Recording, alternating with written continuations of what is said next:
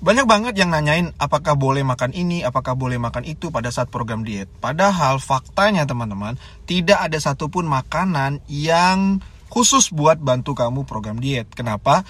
Karena sebenarnya makanan itu dikelompokkan berdasarkan nutrisinya, berdasarkan kalorinya, Artinya di sini ketika teman-teman pengen diet turun berat badan, teman-teman harus defisit kalori.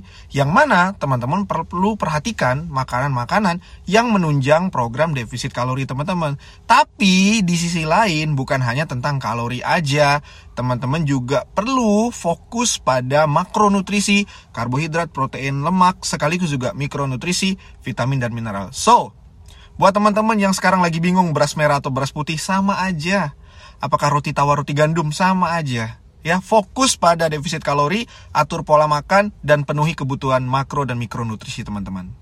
Selamat mencoba.